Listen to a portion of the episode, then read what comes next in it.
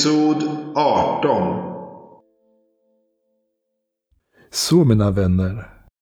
Jag ska berätta vad vi ska göra idag, för det här är inget vanligt avsnitt. För vi har ju redan haft klimax kan man säga. Utan det här kan man kalla att det här är gallrande, gallrade filer. De, de saker som vi inte riktigt hann med under ordinarie speltid som ändå behöver vara med. Lite inför säsong två tänker jag. Så det är någon slags efterspel eller epilog eller inte vet jag, postskriptum kanske man ska prata om i ett brev. Eftersom det ändå är där vi är någonstans och rör oss. Och jag tänker att vi kör, det kanske är en tre scener. Som jag, som jag tänker vi ska köra här. Och sen så efter det kör vi ett litet eftersnack. Och då tänkte jag att vi börjar detta efterspel så här. Världen gick under. Av krig, av pest, av girighet och av maktmissbruk. Det var undergången orkestrerad av människan. Men varje slut är en början. Idag är undergången bara den myt ur vilken mutanter, människor och djur förlöstes.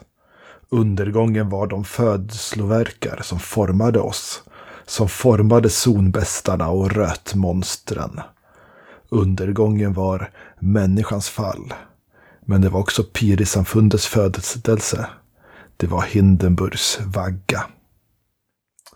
I kvarteret Hydran är sötesbrödsdagarna sedan länge över. Här finns det bara misär och tragik. Bittra småpåvar som strider mot varandra för att kontrollera en gatusten mer eller mindre. Misstänksamma statstjänstemän som vill kontrollera invånarnas alla tankar, känslor och drömmar. Giriga handelsmän som skulle sälja sin favoritonkel för en enda kredit. Världen gick under, men den är sig lik. För en vecka sedan hände det igen. Denna gång bara i hydran. Men mycket av världen gick då under för dess invånare. Spelhålan eldhärjades. Drogarhuset brändes ner. Tassegatan 36, ett bostadshus, brändes ut med stora skador på bokbinderiet på gatuplan. När ruinerna släcktes började röjningsarbetet. Efter tre dagar hade 17 kroppar dragits fram ur husen och lagts på Källartorget för identifiering och allmän beskådning. En möjlighet för alla att se på undergången. Den moraliska undergången. Efteråt var allt annorlunda. På Källartorgets västra del, vid Café Arbeiter och Salong Aftonblomma, satte nu på uteserveringarna fåglar av alla de slag i sina mörkar sotarkläder. På Källartorgets östra sidan utanför växlingskontoret och i kvarteret Dunkeltrasten hängde klungor av slokörade niofingermedlemmar. Gränsen mellan gängen hade flyttats. Men annars var allt precis på samma sätt. Nu, en vecka efteråt, patrullerar ännu konstaplar för att lugna stämningen. Ännu härskar känslan av chock. Ännu frågar invånarna sig, hur kunde det hända? Ännu har detta inte blivit den nya vardag som invånarna i kvarteret Hydran har. Men alla vet, för de som överlevde undergången var detta bara en ny början.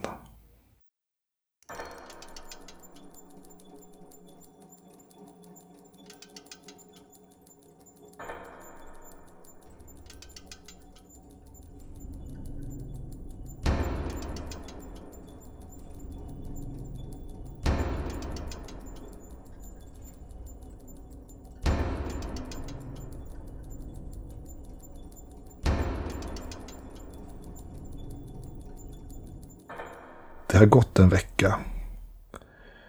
Och vad hände med brevbärarna egentligen? Jag tänker Killingas djupa sår i magen har väl läkts. Hon har ju en otroligt snabbt läkekött nu för tiden. Men hon har kanske med sig en trauma av en tortyr som hon ändå varit utsatt för. Och hennes uniform var ju helt förstörd av olika skador. Så hon har väl skaffat sig nya kläder och sådär. Mm, jo men det stämmer. Hon, hon sitter ju lite grann och funderar över det som har hänt. Och hennes eh, lilla låda som hon eh, hämtade eh, från sitt lilla, eh, sitt lilla rum. Den sitter hon och krampaktigt håller i. En liten trälåda som är eh, två till gånger tre decimeter. Som betyder mycket för henne. Ser alla hennes vänner. Men hon har också sett sig med lite nya kläder, som du sagt. Eh, det är lite mer vardagliga kläder, vilket gör att hon också har slappnat av lite mer. Lite sådana här sterila, stiffa uniformer som gör henne extra stel och kantig kanske. Har hon visat innehållet i lådan för någon eller är den fortfarande en, en mystisk hemlighet för? Det är nog en, fortfarande en eh, mystisk hemlighet för sina vänner. Astrid, du hade ju inga sår sådär. Men du fick kanske några själsliga sår när du såg kropparna som radades upp på Källartorget där. Kanske framförallt kropparna av de här fem barnen. Mm. Som dog i de här olika bränderna som utlöstes i gängens upprörelser. Fick du några gråa hår eller vad hände med dig? Nej, nej, gråa hår fick inte Astrid, men eh, hon fick lite svårt att sova och sveda i magen. För att frågan är om inte det här egentligen var vårt fel. Egentligen. Eh, men, men man kan ju inte veta vad som ska hända. Jag tror att Astrid framöver när hon eventuellt eh, kommer i kontakt med barn kommer brottas lite grann med det här dåliga samvetet. Barnamördare. Mm. Ja, ni var i alla fall med och ledde mamma Vaccins gängs attack mot niofingrarna.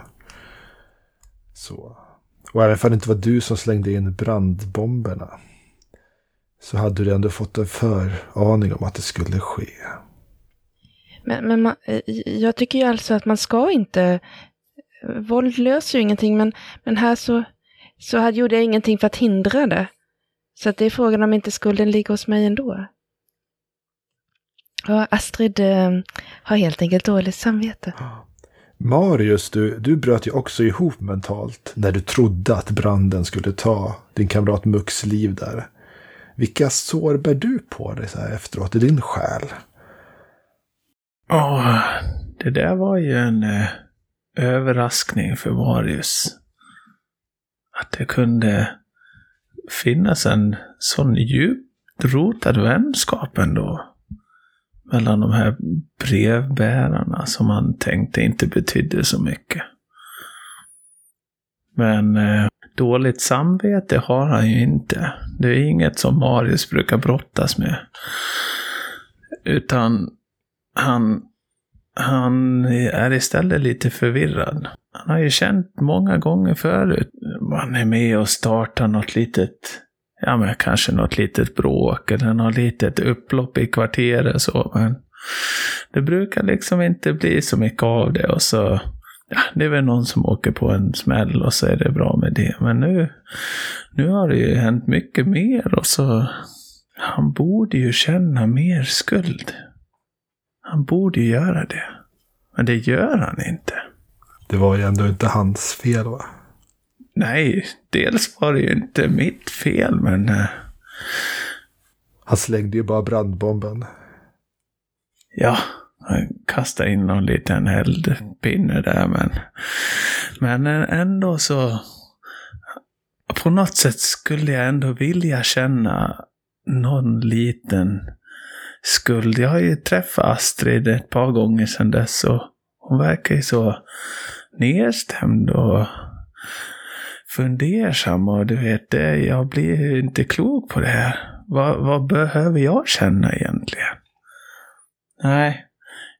Istället går jag ju runt och tänker på vad vi ska hitta på härnäst och vad mamma Maxine har att erbjuda så vi kan liksom klättra här i kvarteret och få ett namn och...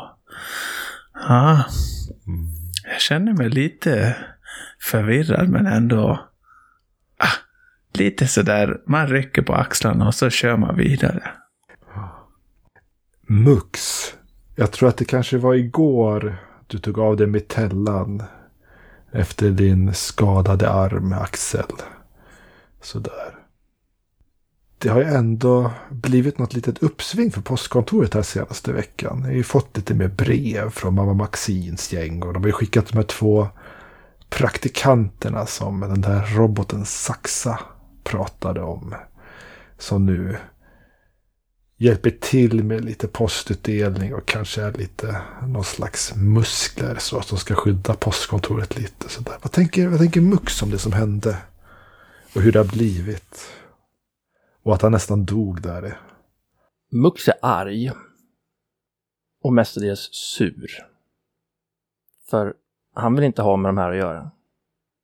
Samtidigt så är han nu djupt involverad i mamma Maxine. Vilket gör honom ännu argare. Han är livrädd. Och ser sig om över axlarna allt, tre gånger extra. Mer än vad han egentligen kanske behöver. Men någonstans där ute. Bland gator och gränder. Lurar Laguna. Hennes vrede såg du ju tydligt i hennes blick.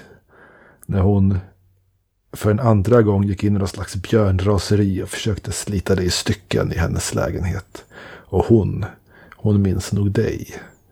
Den där lilla räven som stod upp mot henne.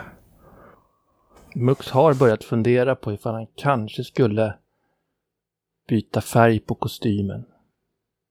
Grön med Cerisas slag kanske. Lite svårare att identifiera honom då. Lite mer inkognito. Men han har inte gjort det än. Han står på sig. Bra. Vi ska inte fördjupa oss supermycket i er karaktärsutveckling. Så vi tänker att vi ska landa i den i säsong två mer. Men vi har några scener här jag tänkte att vi skulle köra av ändå. Vi kan börja med Mux. Du, det här är en dag på postkontoret. Du sitter där och jobbar med din bokföring. Och Cleo kommer in. Han söker väl Astrid, men Astrid är inte här för tillfället. Sådär. Eh, Cleo har ju klätt sig i sitt plommonstop och sin eh, smäckra kostym. Och han har ju hängt en del mer kring postkontoret så här på, på sista tiden efter det att du räddade hans liv och sådär. Vad, vad är det du sitter och gör när Cleo kommer in där?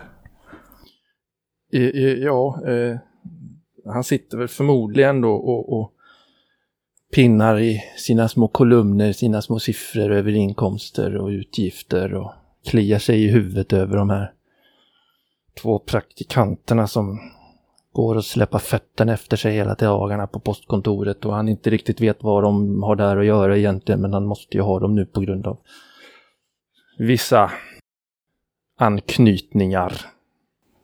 Ja, vad hette nu praktikanterna? Var det Mikael, eller var det Erik Mikkelsson och uh, Ribeiro? Erik och Ribeiro från Mickel. Från Mickel, så var det. Erik och Ribeiro från Mickel som båda var krigsbarn från Öreboga.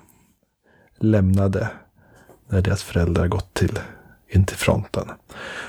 Nåväl, Cleo kommer i alla fall in där. Det plingar lite i dörren och han skiner lite upp när han ser dig. Och... Tjena Mux, tjena Mux, har du Astrid i närheten eller? Eh, Cleo, det, eh, nej, hon, hon är nog ute och hämtar vatten eller något tror jag.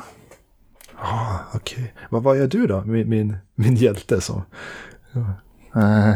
Ja, det är, det, det är snart dags att, att betala för lokal och så, så det är ekonomi, Cleo. Ekonomi, vet du. Det är sådana där viktiga saker man måste pyssla med. Ja, det låter jobbigt. Han eh, går fram där och ställer sig bredvid dig och böjer sig lite ner och tittar i, i, i böckerna. Och tycker du sånt, sånt här är kul? Ja, det är avslappnande. Framförallt när man inte har någon som står och glor över axeln på en. Mux försöker så här, vet du det? skyffla undan räkenskaperna lite från Cleos frågande blickar. Ja, nej, jag, jag, jag, jag är inte nyfiken på det. Jag ville bara titta vad du, vad du höll på med sådär. Ja, jag driver ett postkontor. Vad gör du själv? Nej, jag ska ju träffa Astrid egentligen, men jag... ja, Jag har tänkt lite på dig Mux sen... Sen, eh, sen, sen, du- sen du bar mig i dina armar där ner från scenen så... Eh, Ja, jaha. Och, och tänk på vad då? Nej, hur, hur hjältemodig du är och hur en sån som du kunde hamna som brevbärare sådär på, på posten. Ja, det är väl för att Astrid hade slagit ihjäl mig om jag hade låtit det blöda ut på backen. Framförallt, tror jag. Eh, ja. Det var... Det var, det var snällt gjort av dig i alla fall. Jag tror att du har en hjältes själ. Mux. Ingen gör Astrid något dumt. Vad det än må betyda. Han eh, böjer sig fram och, tar lite på din axel där med ena handen och rättar till din kostym lite sådär. Mux rycker till och stelnar i hela kroppen. Jag ska gå och hitta Astrid nu men jag ska tänka lite mer på dig. Det, det, det, Du skulle vara riktigt tjusig med lite mer fluga här kanske. ja, jo, f- Istället för den här slipsen. Flugor är ju, är ju stiligt, men, men det, det, du, nej, du, du behöver inte tänka på mig, Cle- nej, Cleo. Eh, tänk, på, tänk på annat, tänk inte på mig. Vi kanske kan skriva ett reportage om, om dig och dina hjältedåd i, i tidningen. Sådär.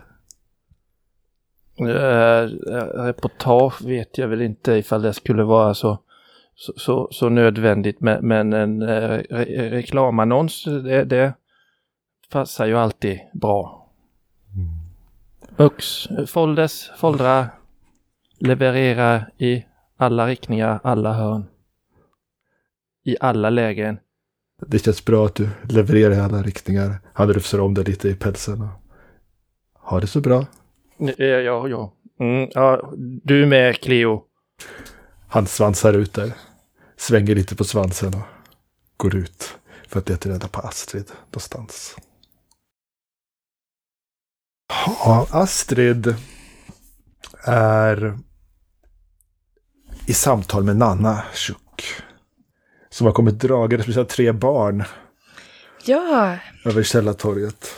ja, titta eh, vad fina de är. Ja, Eh, jo, sa vi nu faktiskt, eller? eh, eh, jag tänkte att jag skulle föra ifall det går bra nu. Jag har eh, ja, deras, deras far, ni vet, eh, Trynsvante, han... eh, eh, Vi måste plocka ur hans lägenhet här nu och vi har till slutet av veckan på oss att göra det så. Annars sen så tar de möblerna så jag måste egentligen dit. Och, men, men om du skulle kunna passa de här under dagen bara så. Ja, självklart kan vi göra det. Det är precis det vi pratade om, att vi måste kunna hjälpas åt här i kvarteret, Nanna. Och eh, att hjälpas åt är bra.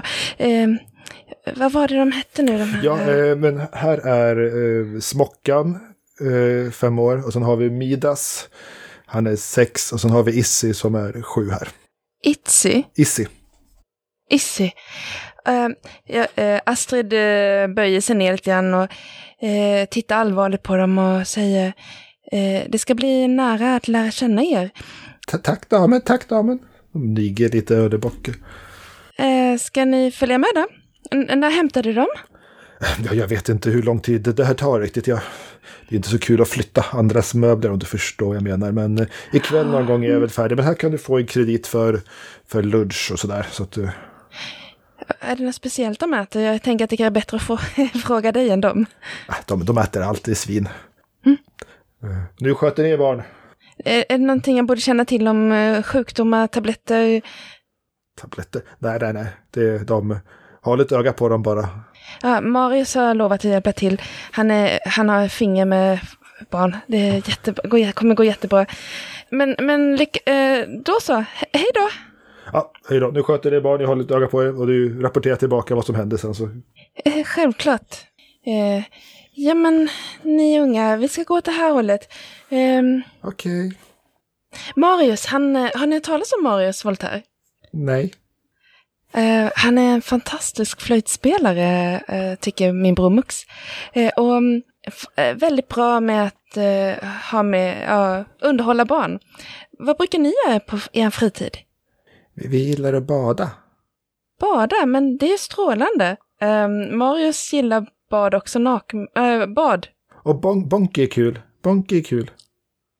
Bonky, är det där när man eh, slår eh, en tunna med bollar, eller vad, vad var det? Ja, man spelar med klubbor, man ska göra mål. Ja, det kanske är kul. Fröken, fröken. Hur känns det att vara Ja? dum? Jag vet inte, jag har aldrig varit det. Hur, hur tycker du det känns? Men du är ju inte ens en, en gris. Nej, det är ju Min här, pappa eh, säger att de som inte är grisar är dumma. Ja, vad var det med din pappa nu igen? Han säger att de som inte är grisar är dumma. Ja, hur var det med din pappa nu igen? Min pappa är en slarver, säger, säger Nanna Schuck. Han Ja, slarvade med bokföringen så nu sitter han i straffkolodin. ja.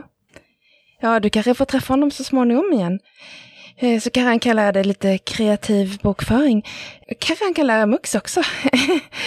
ja, men då så, vi går in. Eh, Mux, är, är du där?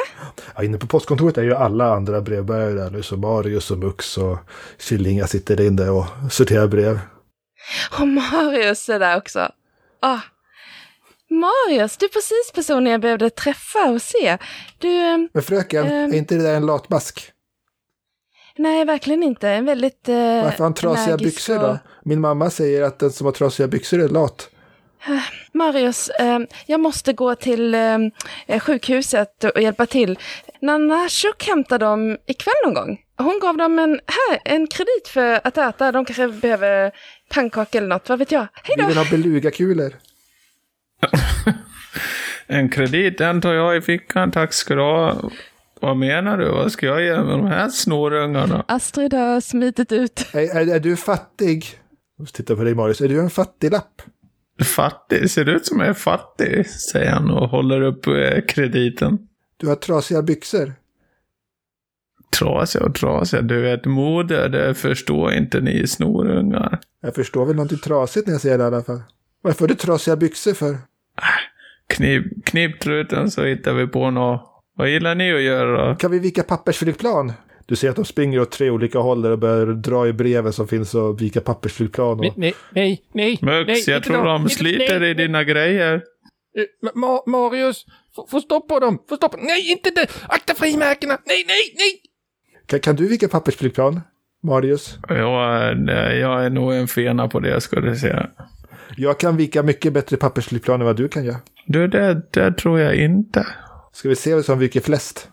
Du, det lär vi eh, bli Det två gör ni jag. inte här inne. Så Mux drar åt sig varenda kuvert. Håller dem beskyddande A- ifrån. Astrid, eh, det är nog inte bra att du går själv till kliniken. Jag ska nog Varför har följa du dig. så konstigt hår? Eh, Har du ingen sax? Eh, jag eh, har konstigt hår för att jag har inte svinborst. Utan det här är vackra lockar. Tyckte inte din mamma synd om dig? Eh, va- varför finns barn? Eh, Det borde hon ha gjort. Jag har jättebråttom. Kommer du nu Killinga? ja, jag, jag, det är nog bäst att vi håller oss undan. eh, Eller, eller vi ska skydda varandra. Men, men, men ha- hallå? Hallå? De- här tre baconpaketen då? De kan du eh, packa. Eh, passa. Varför kallar du oss bacon för? Det är bara dumma människor som är ohövdade, säger min pappa. Ja, ja, jaså, det var väl roligt? Men du, vad var, vad var farsan din någonstans sa du? De som inte har någonting bättre att säga är otrevliga. Varför är du otrevlig för? Vem är det som är otrevlig? Du snackar ju en massa goja. Kom in här och... Jag ställer bara frågor. M- Mux och eh, Marius, jag ska hjälpa er. Jag, jag, jag har en idé. Jag kommer snart tillbaka. Hej! Eh, du Mux, Eh, Ja, nu har ju både, både Astrid och Killinga bara drar. Var ska vi... Du, har du någon trave papper som vi kan kasta på de här små baconpaketen och så kan vi vika lite flygplan? var, var, var, det inte, var det inte Astrid och Killinga som skulle passa de här knoddarna? Eh, Jag förstår. Åh!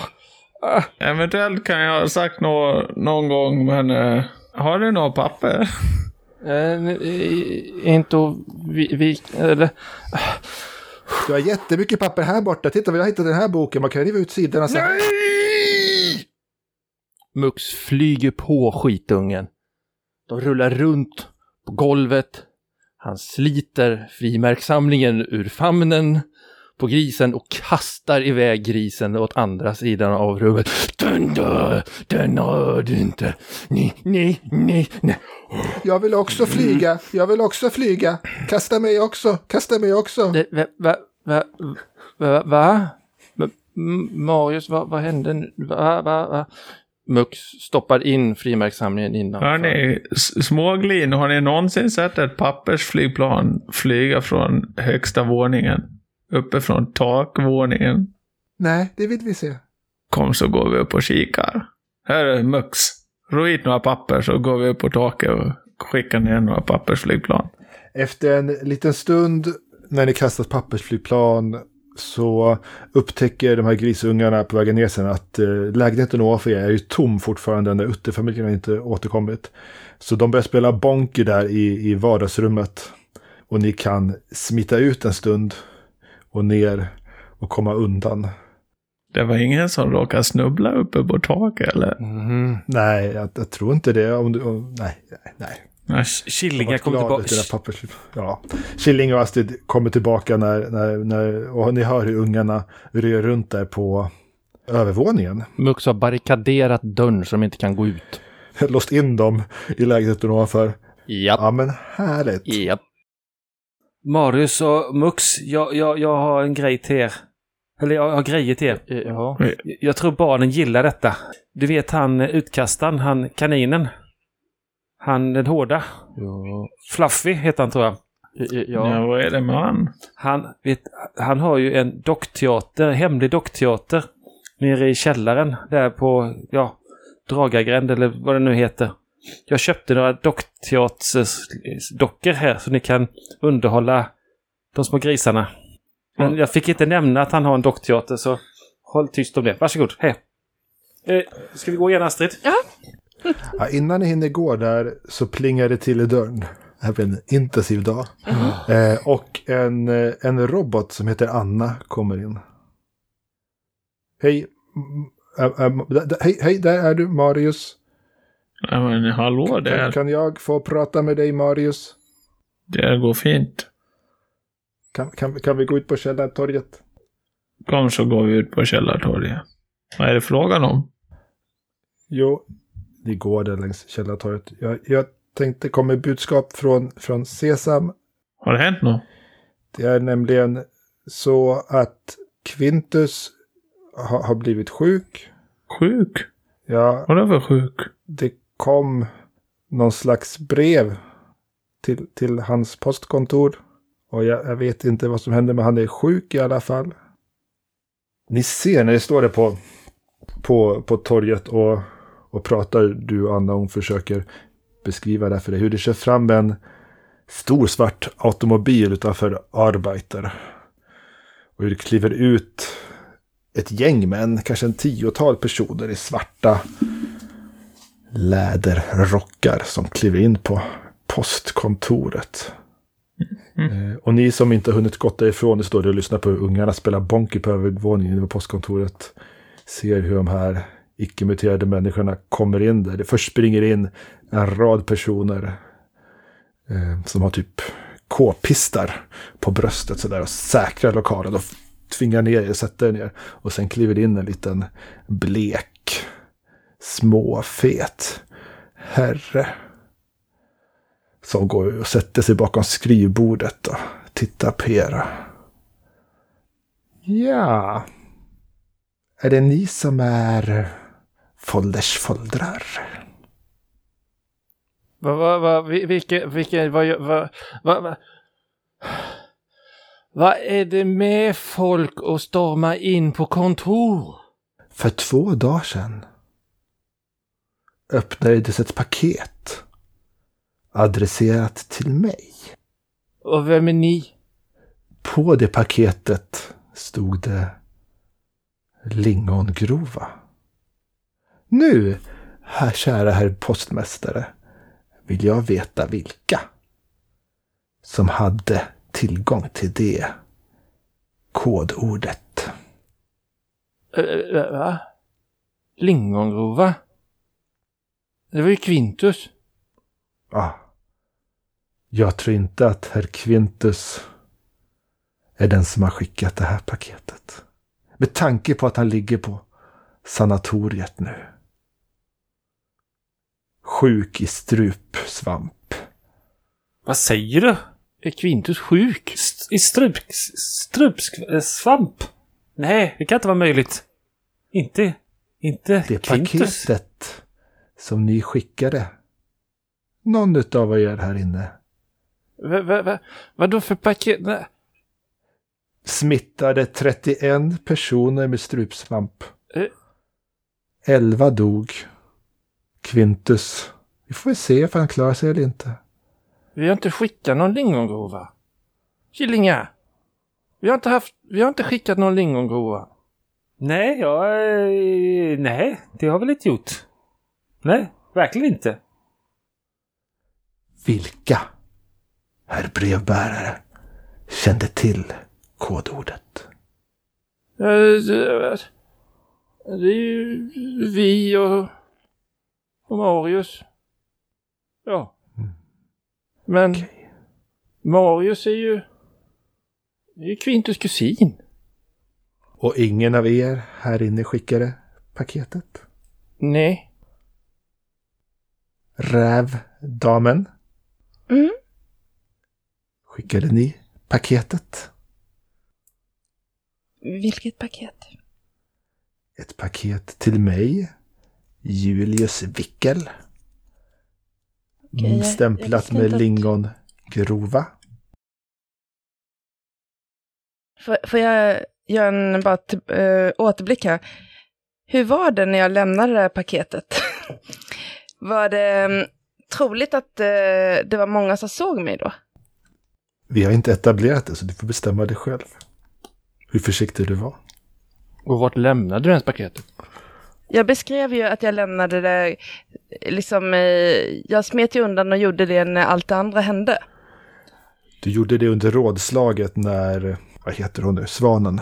Vickan. Vic, Vickan ja. När Vickan och eh, roboten hade ett rådslag om hur de skulle attackera niofingrarna. Då sprang ju du bort till Mirakeltorget för att posta paketet bara.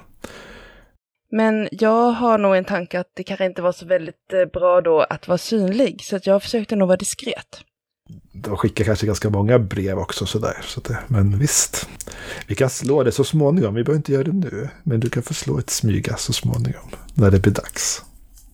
Mhm. Men du behöver inte erkänna nu ifall du inte vill. Ja, jag ser naturligtvis orolig ut, men eh, det var ju fruktansvärt. Vad vet jag om strupsvamp som läkare? Vet jag att det är, ja, att många dör? Det är en mycket smittsam sjukdom. Där svampar börjar växa ur strupen. Och sen så när svampkroppen kommer upp ur munnen så spricker det upp och släpper ut sporer som smittar andra då. Där går ibland epidemier genom Hindenburg. Framförallt i de fattigare kvarterna som inte kan isolera sig själva nog noggrant. Sådär. Eller hålla nog bra ansiktsmasker. Men visst, om man har sporer så kan man ju skicka det med posten. Det är ju möjligt. Oj, ja. Det låter verkligen fruktansvärt. Det här med lingongrova, varför, varför skulle man eh, använda det kodordet? Du känner uppenbarligen inte till det. Ha, den här sista damen med konstiga håret då? Mutant, har du skickat paketet? Eh, nej, men Quintus berättade att vi skulle skicka paket som vi trodde var mystiska med lingongrova. Men, men eh, vi har inte fått så mycket paket som vi har öppnat här, så att, eh, det låter ju märkligt. Någon har utnyttjat er naivitet och fått reda på det här kod kodordet. Nåväl. Jag är ingen barbar. Vi kommer kalla er på förhör så småningom. Var det någon fjärde person sa ni också? Någon Maritz?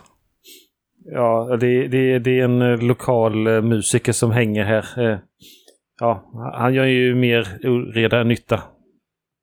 Han- Men han är Han, Quintus han är en kusin. levande le- legend. Han, hela hans uppenbarelse är till nytta. Jag tror vi har hittat missdådaren ifall Quintus var så sinnesslö att han lät kretiner som er får reda på dessa kodord får han kanske skylla sig själv. Nåväl. Vi ses sen på förhören. Och sen reser han sig upp och stormar ut ur lokalen. Jo du, Marius. Han, hon, han sitter på sanatoriet. Han har blivit sjuk i strupsvamp. Han fick smittan på sitt jobb. Det här var inte bra. Men du, vad är det där för någon bil? Vad är det för några svarta gubbar som kommer ur? Vet du vad det är för något? Nej, det vet jag inte. Ser ut som någon slags hemliga poliser skulle jag säga. Bäst att hålla sig borta. Men eh, när blev han sjuk då? Quintus? Det var för några dagar sedan. Man, man vet fortfarande inte ifall det är en sån där kronisk strupsvamp. Så han alltid kommer behöva vara isolerad och aldrig träffa några andra. Eller ifall han tillfrisknar så han kan inte sprida sjukdomen vidare. Han verkar i alla fall ha överlevt och det är ju positivt. Ja, hur har han blivit smittad då? Det var något paket som kom med svampsporer förstod jag det som. Men jag har inte några detaljer. Svampspor.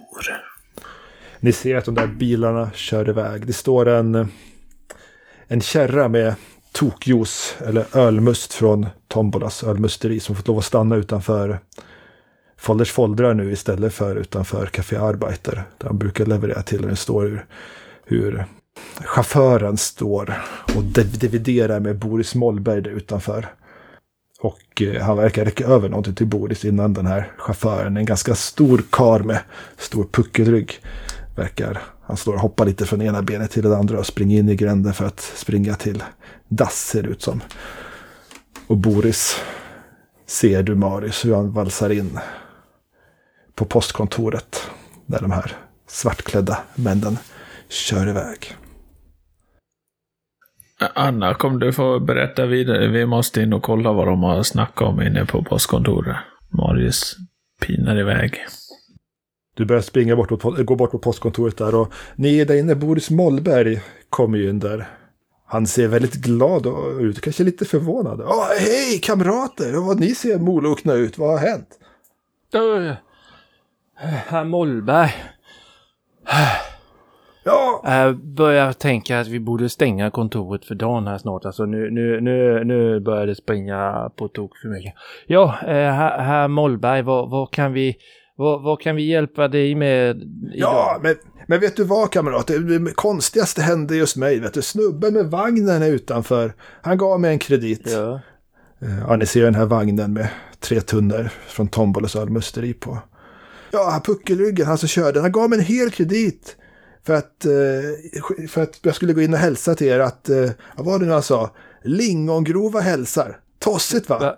Han ler lite saligt mot er. Tanken på den där tokjosen som krediten ska spenderas på går att läsa i hans tandlösa grin. Sådär. Eh, eh, Astrid Killinga, vi, vi, vi går nog ut bakvägen nu på en gång tro, tror jag. Eh, det, det här, nej, Marius, du är nästan framme vid postkontoret när du ser att de här tunnorna från Tombolas ölmusteri, förutom att det står Tombolas ölmusteri då, så har någon ritat med en bit kol under titeln på varje tunna.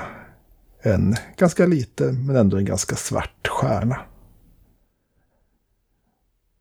Och du slås som kull av eldbollen som stiger upp mot skyn när tunnorna exploderar och spränger Folders foldrar i luften. Hej då från Hindenburg. Hej då från kvarteret Hydra. Du har lyssnat på Gestalt som spelar MUTANT Hindenburg. Jingel och outromusiken och annat rassel i avsnittet var som vanligt gjort av den fantastiska Anders Ekman. Tusen tack till er för att vi får använda oss av era fantastiska alster.